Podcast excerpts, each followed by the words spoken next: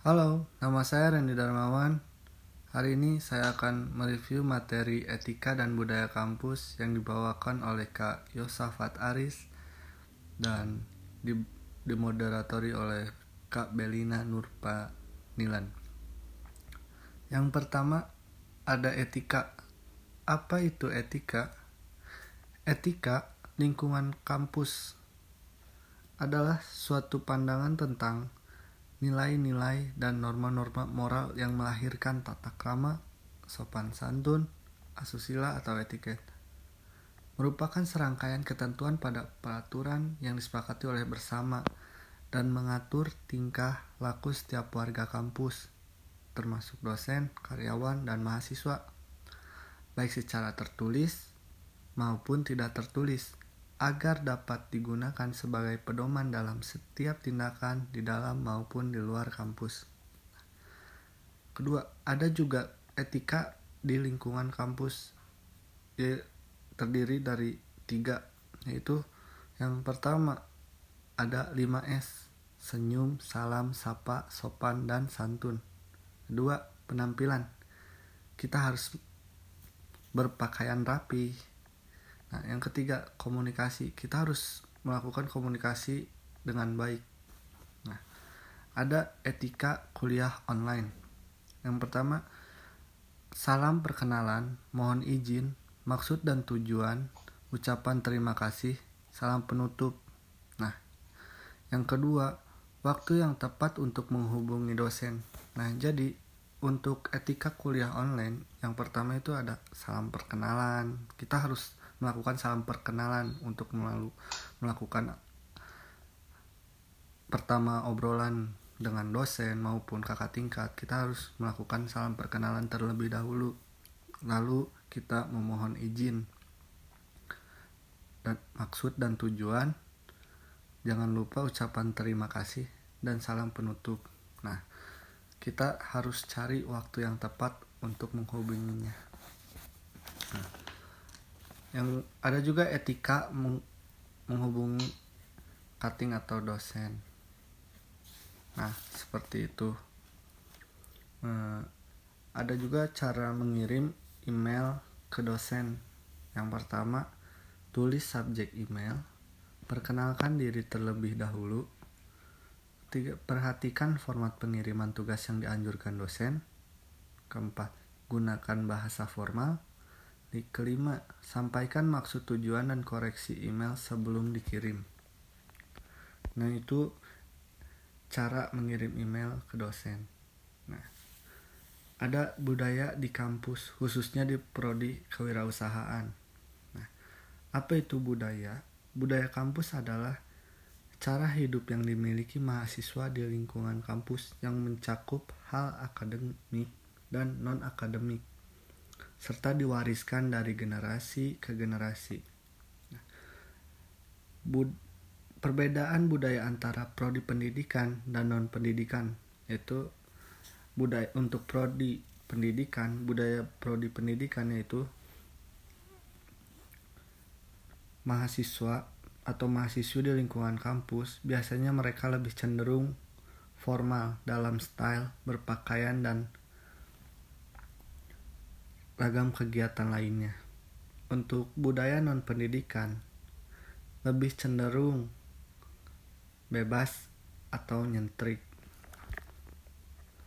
Nah, ada juga cara manajemen waktu sebagai mahasiswa yaitu ada faktornya. Faktor mempengaruhi manajemen waktu yaitu kita harus mempunyai target, prioritas kerja, menunda pekerjaan, pendelegasian tugas, itu semua kita harus punya. Nah ada juga tips manajemen waktu bagi mahasiswa. Tipsnya yaitu tetapkan tujuan dengan benar. Prioritaskan dengan bijak. Tetapkan batas waktu untuk menyelesaikan tugas. Istirahat di antara tugas-tugas. Atur diri. Hapus kegiatan tidak penting rencanakan ke depan. Nah, itu tips untuk manajemen waktu bagi mahasiswa.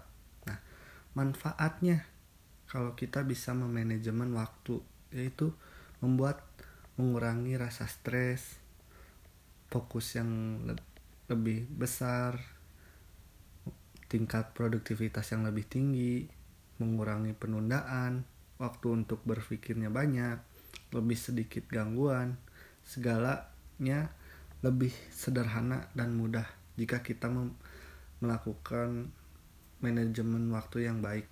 Nah, manfaatnya itu. Nah, ada juga PMW.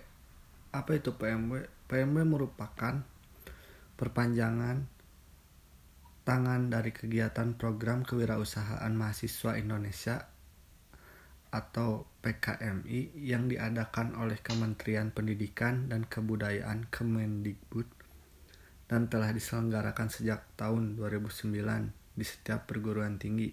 Nah, tujuan PMB tersebut yaitu membangun soft skill atau karakter, menumbuh kembangkan wirausaha baru kreatif, mendorong pertumbuhan, mendorong terbentuknya model pendidikan.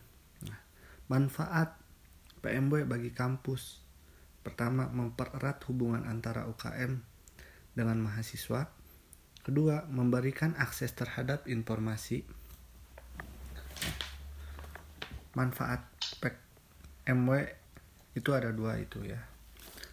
Trik mengikuti PMW. Nah, trik-triknya yang pertama, luruskan niat.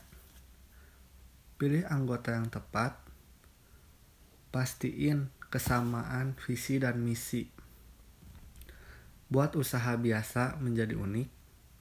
Produk harus potensial dan unik. Proposal yang kamu buat atau kita buat harus sesuai pedoman. Analisis kelayakan usahanya, riset pasar dan harga pasar, pilih dosen pembimbing yang cocok. Nah, untuk kesimpulannya, menurut saya kita sebagai mahasiswa sangat penting memiliki etika yang baik baik di lingkungan, kuliah online, menghubungi cutting atau dosen, dan etika dalam mengirim tugas melalui email. Nah, kita harus memilikinya. Nah, dan kita juga harus tahu tentang budaya kampus dan cara memanage waktu yang baik. Nah, untuk budaya kampus itu ada dua, jadi kalian atau kita harus bisa memahami keduanya.